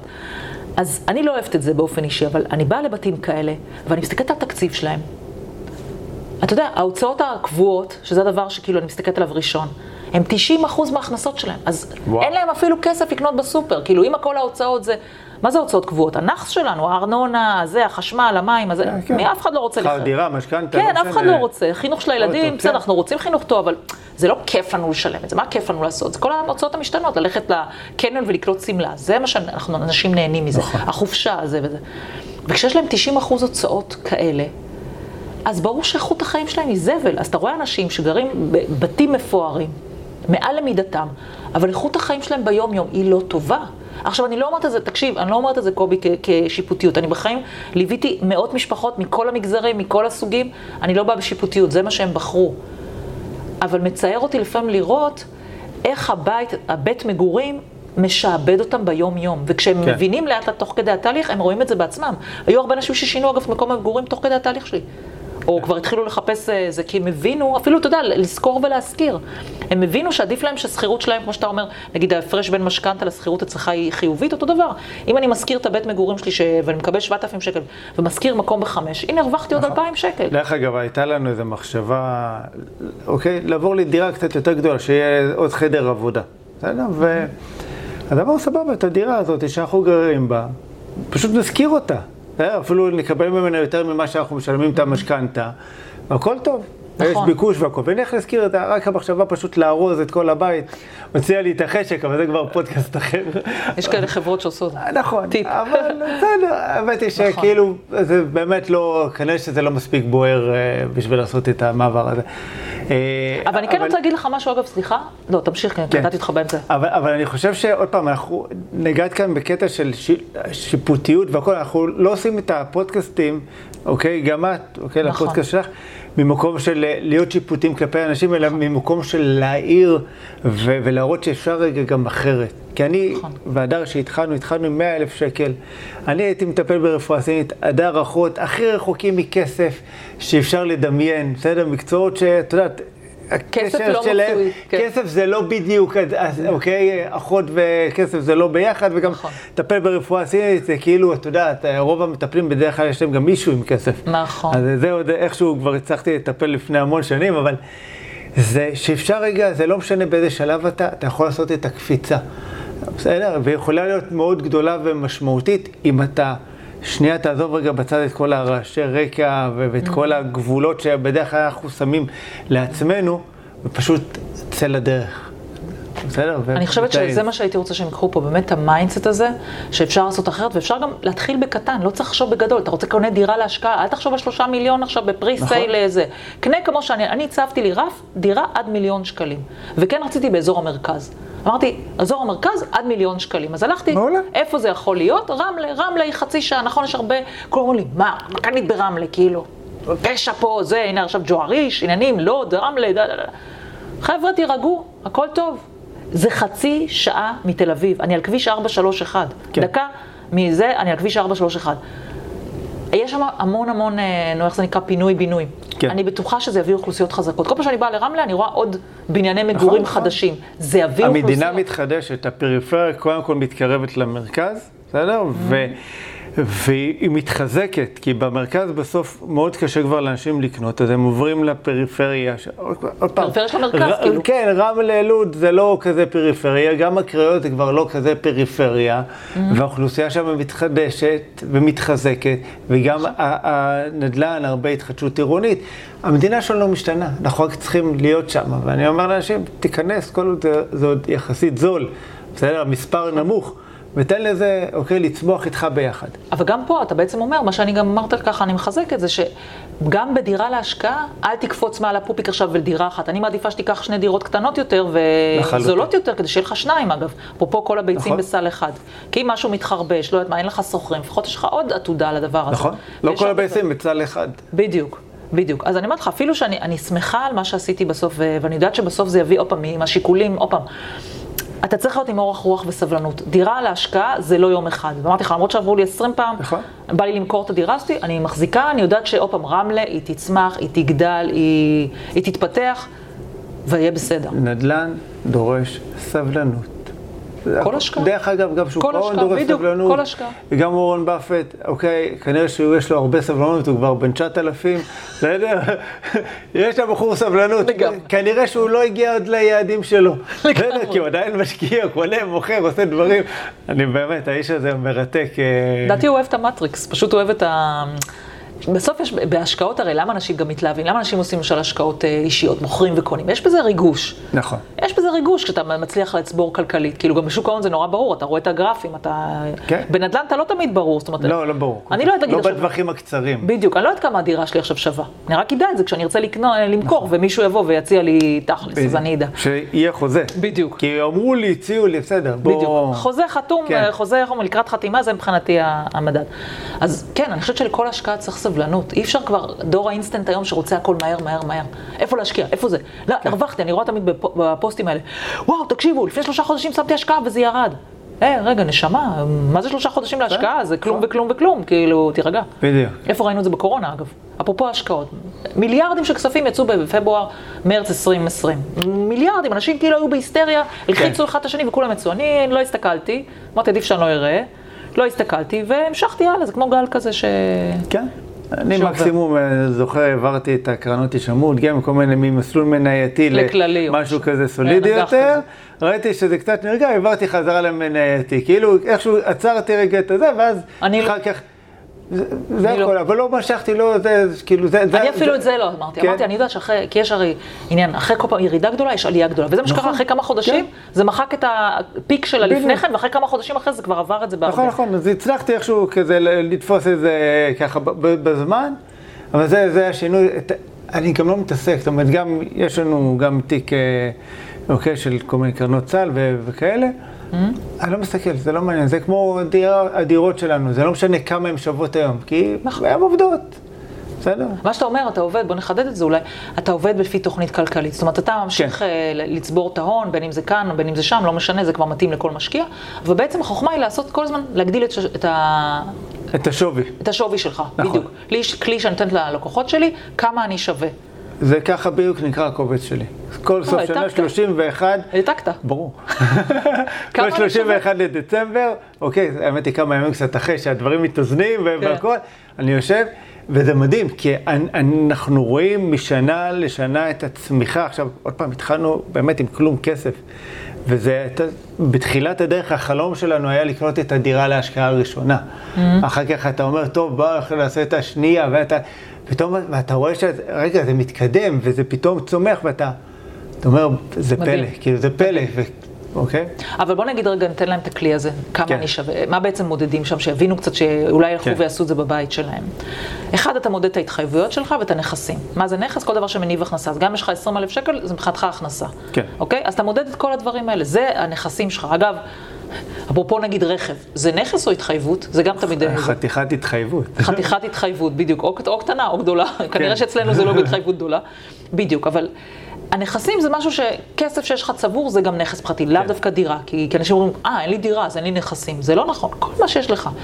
מול ההתחייבויות, כמה הלוואות יש לך, גם, גם אצל, למשל, למשל אצלי, יש לי הרבה הלוואות להשקעה, אבל זה מוריד את השווי שלי, כי זו הלוואה שאני צריכה להחזיר, כן. אז זה מוריד את השווי. אבל אני רוצה לראות משנה לשנה שההלוואות ירדו, אוקיי? והערכים של הכסף שלי עלו, בסדר? זה מה כן. שצריך לבדוק, וגם אם שנה אחת גרועה, ויש שנים גרועות, לא קרה שום דבר, אנחנו מסתכלים לטווח אה, רחוק. נכון. זה כמה אני שווה, אוקיי? אז, אז חשוב מאוד שאנשים יסתכלו רגע על הנקודת מבט שלהם, גם ביום-יום, איך הם מתנהלים, הכנסות מול הוצאות, אתה יודע, איפה הפרש, כאילו הפרש חיובי, הפרש שלילי ויטפלו בזה, וגם מול ההון שלהם ומול ההתחייבויות. זאת אומרת, זה שני נקודות המבט, שאני קוראת לזה כמה אני שווה. כמה כן. אתה צריך לעשות את זה, כמה אתה צריך לעשות את זה. בוא נדבר רגע על זה. באמת, על, על, על הקשר הזה, הרי לא סתם הזמנת אותי, על הקשר הזה בין נדל"ן לבין ניהול כספי. כי אוקיי. נדל"ן זה לא בחלל ה... בחלל, אוקיי? לא, בוא- זה כאן, בקרקע. זה כאן בקרקע. לפחות כרגע, בחלל, נכון. עובדים על זה. אני למשל תמיד אומרת אצלי לחבר'ה שבאים אליי, הרבה פעמים באים אליי, אתה, אני תמיד אומרת שעסקים כמוך בטח מפציצים אותך, כי כולם רוצים לקנות נדל"ן. כן. אז אתה, לדעתי, כן, בדיוק, בלי לעשות עין רע, אין תלונות. זה, זה עץ, זה, כן. זה עץ, זה גבס, זה גבס, זה סוג של עץ. בדיוק. אז אני אומרת, אני סבבה, כאילו, כן. אני אפילו אומרת, אה, איך אומרים, שיבואו אליך, זה, זה מבורך, אבל אני כן רוצה שלפני זה יבואו אליי. או לאנשים כמוני, או כן. יעשו את זה לבד. אני רוצה שהם יערכו כלכלית לנדל"ן. כי מה שקורה זה שהם רוכשים נדל"ן, אחרי זה הם באים אליי עם שוקת שבורה. כי למשל נכון. דברים שקרו כמו אצלי, או למשל, אה, באמת, דברים שהם לא ציפו, מכניסים אותם כאן, ואז הם באים כן. בלחץ, אוקיי? זה בדרך כלל יותר על בית מגורים. נכון. פחות על דירות להשקעה, כי מי שכבר יש לו דירות להשקעה, יש לו mindset יותר להבין איך להתנהל עם זה, אבל בדירות למגורים, אתה רוצה לרכוש דירה למגורים? סבבה. אני למשל, אצלי, במה שאני עושה עם הלקוחות שלי, אני בודקת איתם מתי המועד הנכון לקנות בית מגורים. אני לא נגד זה, שלא יצא מפה פודקאסט שאני נגד כן. דירת מגורים. אני אגיד לך אפילו סקופ, אני, בגלל שהמוטו שלי בחיים זה לגור בחו"ל, לעבור בחו"ל, העסק שלי היום הוא דיגיטלי לחלוטין, ואני נוודת דיגיטלית, זה דווקא עכשיו אני חושבת על קניית בית מגורים, אפילו צנוע, כדי שיהיה לי תמיד לאן לחזור. כי כמישהי כמוני שרוצה לחיות בחו"ל, תקופה, לחזור וכולי, אז דווקא אני צריכה את העוגן הזה, שאני אומרת לשוכרים שלי התראה, ואני חוזרת. כן. אז אני לא נגד בית מגורים, אני אומרת בוא תעשה את זה בחוכמה. צריך לעשות את זה נכון. בדיוק. אז אחד הדברים שאני נגיד בודקת, מתי המועד. למה? כי מה אני רוצה לבדוק, נגיד, אם אני אומרת לך, בוא, זה המועד שלך, כן. אני רוצה לבדוק את, את אחוז ההשקעה שלך מההון שלך. כלומר, אם יש לך היום מיליון שקל בצד, ואם אתה שם רק את, ה, את ההשקעה שלך, נגיד חצי מיליון, סבבה, יש לך עדיין חצי מיליון שממשיכים לצבור כסף. מצליחים. כן. ממשיכים לגדול. אין בעיה. אל תיקח היום את כל המיליון שקלים ותשקיע, זה נכון. בעיניי לא נכון. אבל אם אתה בצורה מבוקרת לוקח עוד, נגיד יודע שעוד עשר שנים אתה לוקח מהמיליון הזה חצי מיליון ומשקיע על דירה כהון עצמי, ולוקח משכנתה, סבבה, תעשה את זה, זה חכם. אני לא אומרת לו בית מגורים. כן. בית מגורים יש לו את היתרונות שלו, הוא גדל גם כן, יש לו עליית ערך, אתה יכול להשכיר אותו, אתה יכול לחתוך אותו, להשכיר חלק ממנו, לא משנה, כל מיני כאלה, לשים עליו אה, סולארי, לא משנה, יש כל מיני דרכים שאתה יכול למנף אותו, אוקיי? אבל אני אומרת, החלק הכי חשוב שאנשים בדרך כלל טועים, זה שהם קונים מוקדם מדי את בית המגורים. אם היו מש- ממתינים עוד חמש, עשר שנים, היו עושים את זה בחוכמה הרבה יותר גדולה. עצם זה שהם קנו את זה בתחילת חייהם, הרבה פעמים זו טעות גדולה. ואני לא אוהבת את האמרה הזאתי, דירות יעלו, אני לא אוכל לאפשר לעצמי, אתה יודע מה? גם לא תוכל לאפשר לעצמך. האם כל אחד במדינת ישראל חייב להיות בית מגורים משל עצמו? בחו"ל לא. זה לא ככה, אתה יודע בטח את הנתונים מחו"ל כמוני. אחוז הבעלות היא מאוד נכון. קטנה. אז האם באמת, אני חושבת שהשאלה שצריכים אנשים לשאול את עצמם, האם אני צריך להיות חייב שאני אהיה בעל כן. יש כאלה מגורים. שמגיעים אלינו, אתה יודע, בני 20 וקצת, בסדר? אפילו, חלקם אפילו כבר נשואים וכאלה. ויש להם כביכול הון לקנות דירה, אבל זה לא דירה ש... דירת מגורים שהם היו חולמים עליה כביכול. אבל הם מגיעים, הם מתחילים קצת אה, לקנות איתנו את הדירה, נותנים לה איזה שנתיים, שלוש, אז או שהם קונים אחר כך עוד דירה, עוד, או שהם מגלגלים אותה. דירה ו- להשקעה, ו- אתה כן, מתכוון. כן, דירה להשקעה, וככה הם גם מגדילים את ההון שלהם.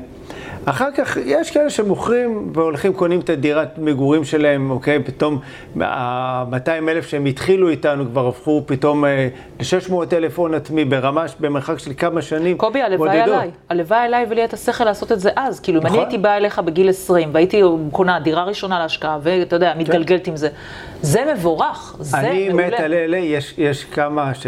אוקיי, אני יודע שהם גם מקשיבים. היי, משה. שהם מתקשרים, התקשרו אליי, שהם עוד בפטרול, בצבא. אני על הגדר, תקשיב, אני שומע את הפודקאסט שלך, אני חייב דירה. אני אומר, מה זה הרשע? אני בצבא, אנחנו בדיוק כאן בסיור בשטח וזה וזה. אני אומר, אבל אני משתחרר עוד חודש. והם קובעים, והם מגיעים. ואני אומר, תקשיבו, אתם לא מבינים, אתם לא מבינים איזה צעד מטורף אתם עושים.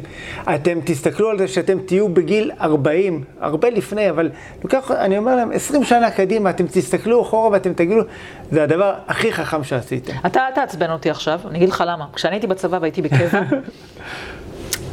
כשאני הייתי בצבא והייתי בקבע, היה לי חבר, היי תמיר, אה, שכל הזמן אמר לי, תקני דירה, תקני דירה. כל הזמן שהיה פוגש אותי, תקני דירה. וכל פעם שהייתי פוגשת אותו, כמה דירה יש לך? אחד, שתיים, ארבע, שבע, לא יודעת כמה דירות יש לו היום, צריך להתעדכן. תמיר, מי אתה? בדיוק, איזה טייקונצ'יק. ולא הייתי, תראה, זה גם היו זמנים אחרים, לא היה אז את הפודקאסטים ואת הזה, ואת לא האינטרנט כלום. וזה, לא ידעתי באמת את הדברים האלה. וכל פעם אמרתי, כאילו, מה נסגר איתו עכשיו? אני בת 20 אקח משכנתה, כאילו, זה היה נראה לי, כן. כאילו, שאני בחיים לא אחתום על משכנתה. זה היה נראה לי משהו יותר גדול עליי. ואני אומרת לך, אם יש משהו שאני מצטערת, זה הדבר הזה.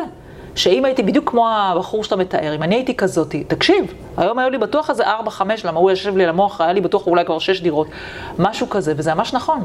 כן. ואני מאוד מעריכה כאלה, גם אצלי איזה יום אחד מישהי, אה, עשיתי את הזום, ההיא במגדל שמירה. אתה נגנב, מגדל שמירה, אני רואה אותה... זה מטורף, זה מטורף. אבל הם היחידים, ואני כל כך אוהבת כאלה, גם אצלי היו, יש אה, חבר'ה שבאים בגילאים האלה, אתה יודע, בערך עם אישור ההורים, מה שנקרא. כן, כן. וזה כל כך מעולה, כי הם בחיים לא יחזרו להיות נכון. סתומה כמו שאני הייתי זה- אה, כל השנים. אני חייב להגיד לך שהרבה פעמים, עוד פעם, גם החבר'ה המבוגרים, בסדר, נקרא, לא יודע אם כמונו, אנחנו צעירים בנפשנו. לגמרי. אה, אבל, אבל כשאתה מבין, דיברת מקודם על מודל ההשפעה, שאתה מבין שאתה באמת משפיע, ואתה מחולל שינוי שהוא חיובי בחיים של אנשים, לי זה נותן את הדלק להמשיך וליצור ולעשות ולהנגיש את הידע הזה ולתת באמת את, ההשראה הקטנה שלי, בסדר? אני לא עכשיו מסי ולא דונלד טראמפ, בסדר? אנחנו עושים את זה בקטן, בגבולות שלנו, וזה גדל, אתה עושה אתה טוב. עכשיו אה, צנוע, אני יודעת שפודקאסטים זה דבר שמאוד משנה תודעה, אני שומעת את זה מאצלי ואני בטוחה שאתה גם שומע את זה, אני יודעת שגם אתה שומע את זה. אנחנו, עצם זה שאנחנו מדברים על הדברים, ומישהו עכשיו, אפילו אם אחד מהם ילך ויגיד, וואלה, אני רוצה עכשיו ללמוד, לנהל את הכסף שלי, אני רוצה לקנות נדל"ן, אני רוצה לדעת איך לעשות את זה נכון, אני רוצה זה. את שלנו עשינו, אנחנו יכולים עכשיו ללכת לשתות פה קפה בכיף. וזה מה שאנחנו. רוצים שבסך הכל יקרה. מה אנחנו רוצים בחיים האלה? הרי בסוף שאתה תהיה בן 90 ואני אהיה בת 90, מה ניזכר? בכמה עבדנו, כמה זה, אנחנו ניזכר באנשים ששינינו להם את החיים. לחלוטין. וזה, וזה מבחינתי נכון. עושה את כל ההבדל. לחלוטין. דנה, אנחנו רגע לפני סיום עוברים לפינה שנקראת השאלון המהיר. החוקים מאוד פשוטים. וואו. אני שואל, את עונה, אוקיי, מוכנה? יאללה. יאללה, שאלה. אה, שאלון מהיר. אוקיי, אם צריך אני אלחץ. אה, שאלה ראשונה, תארי לי את עצמך בשלוש מילים. יזמית, יזמית, יזמית. מעולה. triple יזמית. כן. לא צריך יותר. אה, מי הוא האדם שהכי השפיע עלייך? הרבה אנשים שעשו שינוי כלכלי בימיהם, והם היו אנשים, דווקא אין לי מישהו, דווקא לא הוורן באפט כזה או מישהו כזה, אלא דווקא כן. אנשים כמוני וכמוך, שראיתי שהם עשו שינויים. לפעמים גם מי שהשפיע עליי זה לקוחות שלי, שאני רואה מה הם עושים, שזה השראה בעיניי. כן. גם לי, אפשר ללמוד. אפשר ללמוד. מכל אחד. ספר מומלץ, לא אבא עשיר, אבא אני, כי זהו, כבר עברנו את המכסה שלו. אה, חשוב והתעשר, גם אני. אני לא זה. ספר מעולה, כן. אבל אה, טוב, בסדר, נסלח לך. לא, באמת, אה, באמת ספר פנטסטי. אה, הדבר הוא, הראשון, הוא, הוא פשוט פשוט, בגלל זה. הוא פשוט, הוא פשוט. הוא פשוט הוא להבנה. קריא, הוא קריא. בדיוק. אני רוצה שאנשים כן, יקבלו אבל ספר הוא קריא. עמוק. אני קראתי אותו נכון. כמה פעמים, וכל פעם אתה עוד רובד, נופל לך האסימון ואתה אומר, בוא'נה, כאילו לא, לא קלטתי. נכון. אוקיי? ואני מרקרתי וזה, וזה כאילו, מעניין. הדבר הראשון שהיית לוקחת להיבודד, דבר אחד אני צריכה, לפטופ. לפטופ. ואז אני עובדת ועושה את מה שאני אוהבת. והדבר האחרון שהיית לוקחת איתך לאי בודד? עכשיו אני אסתור את עצמי, טלפון נייד. בעיקר לבנות שלי שאני אקח מהם טלפון נייד. איך תעשי נקודה חמה זהו, לאינטרנט? אני אמרתי, זה לא צריך סתרתי את גם עצמי. לפטופ. סתרתי את עצמי. העצה הכי טובה שנתנו לך. לקנות דירות של תמיר, רק לא הקשבתי לה. רק לא הקשבת, זו העצה הכי טובה. חברים, נותנים לכם עצה טובה, תקשיבו. תיישמו. שלא תבואו יום אחד להתראיין באיזה פודקאסט, תגידו. העצה שלא לקחת, תוסיף, כן. העצה שלא לקחתי. בדיוק. איזה תחביב יש לך? צילום. צילום? אה, גם אני. כן? מאוד אוהב לצלם. אני אוהבת ציל- צילום של חפצים קטנים. פרח, זה אני אוהב כאלה. לצלם, זה אני- כן. אני על מדר. הייתה כאן, אתה אומרת, הוא יכול להיתקע על אבן ב... כן. אנחנו סיים סיים. איפה את רואה את עצמך בעוד עשר שנים? במדינה אחרת, יושבת עם הלפטופ שלקחתי, בלי טלפון. כן. ביקשתי, יש פה איזה יזם שימצא כן, ימצא איזה פתרון. כן. אה, עושה את מה שאני אוהבת. האמת היא שאני כבר מרגישה היום ברת מזל, כי היום אני עושה את מה שאני אוהבת, ואני הולכת לעשות את זה גם במקומות שאני אוהבת. מקסים. בעולם. אם היו עושים סרט על החיים שלך, לאיזה ז'אנר הוא היה שייך? קומדיה של טעויות. אהבתי. אה, לאן היית הולכת אם היית בלתי נראית? אה, כן. או-אה, לאן הייתי הולכת אם הייתי בלתי נראית? אה, הייתי, אני, מדליק אותי עסקים כאלה שהגיעו נגיד כזה פייסבוק, הייתי רוצה לשבת במשרד של צוקרברג ולשמוע את ההחלטות שלו. כאלה, כן. עסקים שהצליחו בגדול, כזה מאסק וכאלה, הייתי רוצה להיות זבוב על המשרד שלהם, לשמוע איך הם לוקחים החלטות. למה אני בעסק שלפעמים מתחבטת עם החלטה הזה, איך הם לוקחים החלטות עכשיו בסדרי גודל של מיליונים, במיליארדים. כן, זה, מאות מיליונים. אבל הייתי רוצה להיכנס להם לראש, כאילו, לא יודעת כן, אם כן. אפשר, בלתי נראה, איך הם מוציאים החלטות כאלה, איך אתה מחליט בסדרי גודל כאלה. כן, מדהים. האמת היא שזה גם אה, משהו שאותי מאוד מעסיק, קורא כל מיני אוטוביוגרפיות על אנשי עסקים וכאלה, וזה זה מדהים. אתה, אתה רואה את התהליך גם של ההתפתחות שלהם, אבל את הצורת חשיבה. נכון. וזה מאוד מאוד אה, מעניין. אה, כמה זמן לוקח לך להתארגן בבוקר? זו שאלה מכשילה. חמש דקות? כן? יפה, את זריזה. כן. אני בחורה וזה לוקח לי חמש דקות. כן, הלוואי עליי. אני לא ב... כבר הבנת שהחיצוניות והזה פחות... אה, כן, פחות אה, אני. אני בן אדם של what you see is what... להתארגן זה, זה, זה חמש דקות, אבל אני, אני אישית אוהב לקחת את הבוקר ביזי, יושב עם הקפה. אז לא, אז תשאל אותי מה הטקס בוקר שלי, זה, זה שעות. כן, בלהתארגן אם את צריכה לצאת, אני הבנתי את זה כלהתארגן את צריכה לצאת, אז אני חמש דקות, אבל אני באמת קמה בבוקר, אני עושה מדיטציה, אני עושה ספורט, אני קוראת ספרים, אני דברים מהסוג הזה. זה לוקח לי, כאילו, תלוי בכל יום. נגיד היום לא היה לי הרבה זמן לזה, עשיתי מדיטציה חמש דקות ויצאתי. אבל ביום יום שלי כן, זה דווקא פה אני כן עושה. מה הדברים שעשית שאת הכי גאה, הדבר שעשית שאת הכי גאה בו? obvious, להיות אה, אימא יחידנית. לגדל שתי בנות לבד, אני חושבת שמגיע לי צל"ש ולכל האימהות היחידניות באשר. הן, שמגדלות אה, לבד ילדים, בטח אם זה, גם אם זה אחד, גם אם זה שניים, גם אם זה שלוש, גם באמת זה לא משנה מספר הילדים. עצם זה שאתה מגדל ילדים לבד, אתה יודע, תמיד שואלים אותי, איך אני עומדת בעסק בכל מיני דברים כאילו שקשים, או אפרופו, איך עמדתי בדירה הזאת. אתה יודע מה? אני אספר לך סיפור, כן. תבין את הקטע. יום אחד הבת שלי ראתה אותי בוכה. על הדירה הזאת, אמרתי לך, אני, אני לא פלקט, אני כשלא טוב לי, אני שקופה בבית. אני לא חושבת שצריך להסתיר מהילדים גם הרגשות קשים. כן. זה חלק מהחיים. זה חלק מהחיים. והיא באה וראתה אותי, ממש, זה היה עוד פעם איזה יום אחד ששבר אותי. וזה מרגש אותי שאני מספרת לך את זה. והיא באה ואמרה לי, מסתכלת עליי, אמרת לי, אמא, מה קרה? ואני אומרת לה, תקשיבי, הדירה הזאת היא ברמלה, יודעת שיש לנו דירה להשקעה ברמלה וזה, שמישהו גר בה וזה, היא מכירה את זה. אז אני אומרת לה, תקשיבי, הדירה להשקעה, כזה יש שם נזילות, כי מה ששבר אותי, שהסוחרת התקשרה אליי בוכה, והיא אישה מבוגרת ואני גם מתה עליה, באמת, היא חמודה רצח. והיא התקשרה אליי בוכה, ואני מבינה את המצוקה, כאילו, ואני גם מרגישה את המצוקה שלה דרך הטלפון. וזה הביא אותי למקום כזה, ואז היא אמרה לי, אמא, אל תדאגי, זה ייפתר. היא אומרת לי, זה ייפתר. מה הכי חשוב? הכי חשוב זה המשפחה. ואומרת לי, ואתה יודע, שאתה תופס רגע פרופורציה, אתה אומר, רגע, אני בריאה, הבנות שלי בריאות, ברוך השם, וכל הדברים האלה.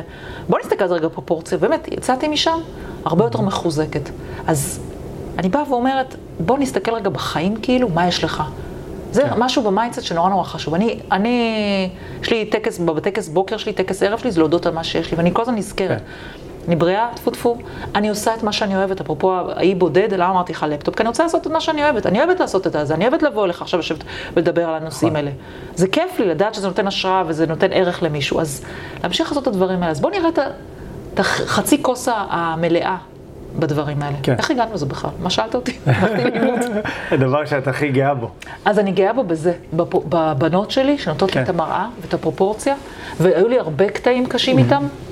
כשאתה כן. מגדל לבד, יש לך שתי תינוקות והם רווח של שנתיים, אני לא אספר כן. לך סיפורי זוועה, אבל היה... לגדל שתי ילדים אני יודע, לבד זה בטוח, אתה יודע, זה כאילו אתגר מטורף. זה אתגר מטורף, אז כל אתגר אחרי זה נראה לך טיפשי. אפרופו כן. הדירה להשקעה, ואפרופו מה שהבת שלי הזכירה לי, זה פרופורציה. שפרופורציה בחיים.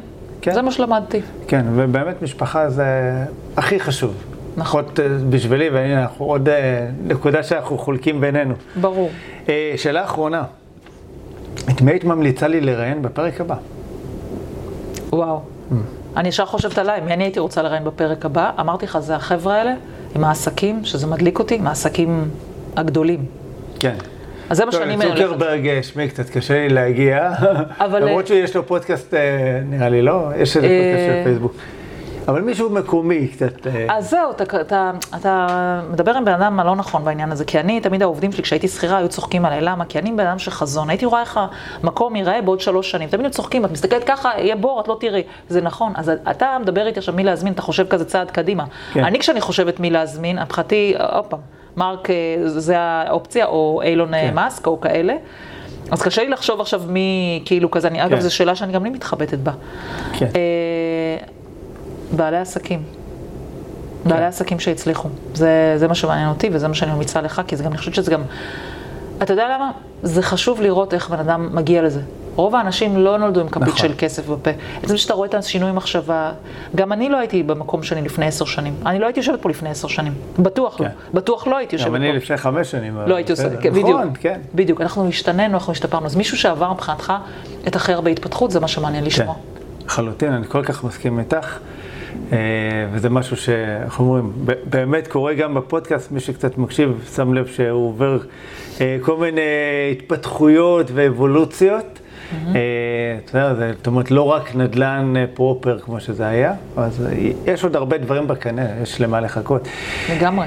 תשמעי, אני, אני נהניתי, בסדר, יצא לנו פרק אה, בטוח אה, אפילו קצת יותר ארוך מהרגיל, אז אני מקווה מתנצל. שיהיו לכם הרבה פקקים. לא, זה טוב, זה טוב. בסדר, זה ככה יש להם גם אותנו בדרך חזרה הביתה. בסדר, שלא ישעמם להם. לגמרי. וחברים, אם אתם אה, צופים דרך היוטיוב, אז לא, לא לשכוח ללחוץ על כפתור ההרשמה לערוץ, ואם אתם מאזינים באחת מאפליקציות הפודקאסטים, אז תלחצו על כפתור העוקב, וגם דרגו אותנו בכמה כוכבים שאתם מרגישים שמגיע לנו, חמש, נכון? אני רק מייעץ. תכתוב חמש פה על היד, ואז כן. זה יהיה יותר ברור. חמש. ודנה, המון המון תודה. אני נהניתי, אפשר להמשיך ככה לדבר עוד שעות ו- ו- והכל, ובאמת, אה, את מרתקת. חברים, תעשו השקעה נכונה בנדל"ן. תודה רבה, דנה. ניפגש בפרק הבא של מדברים נדל"ן. ביי ביי, חברים. ביי.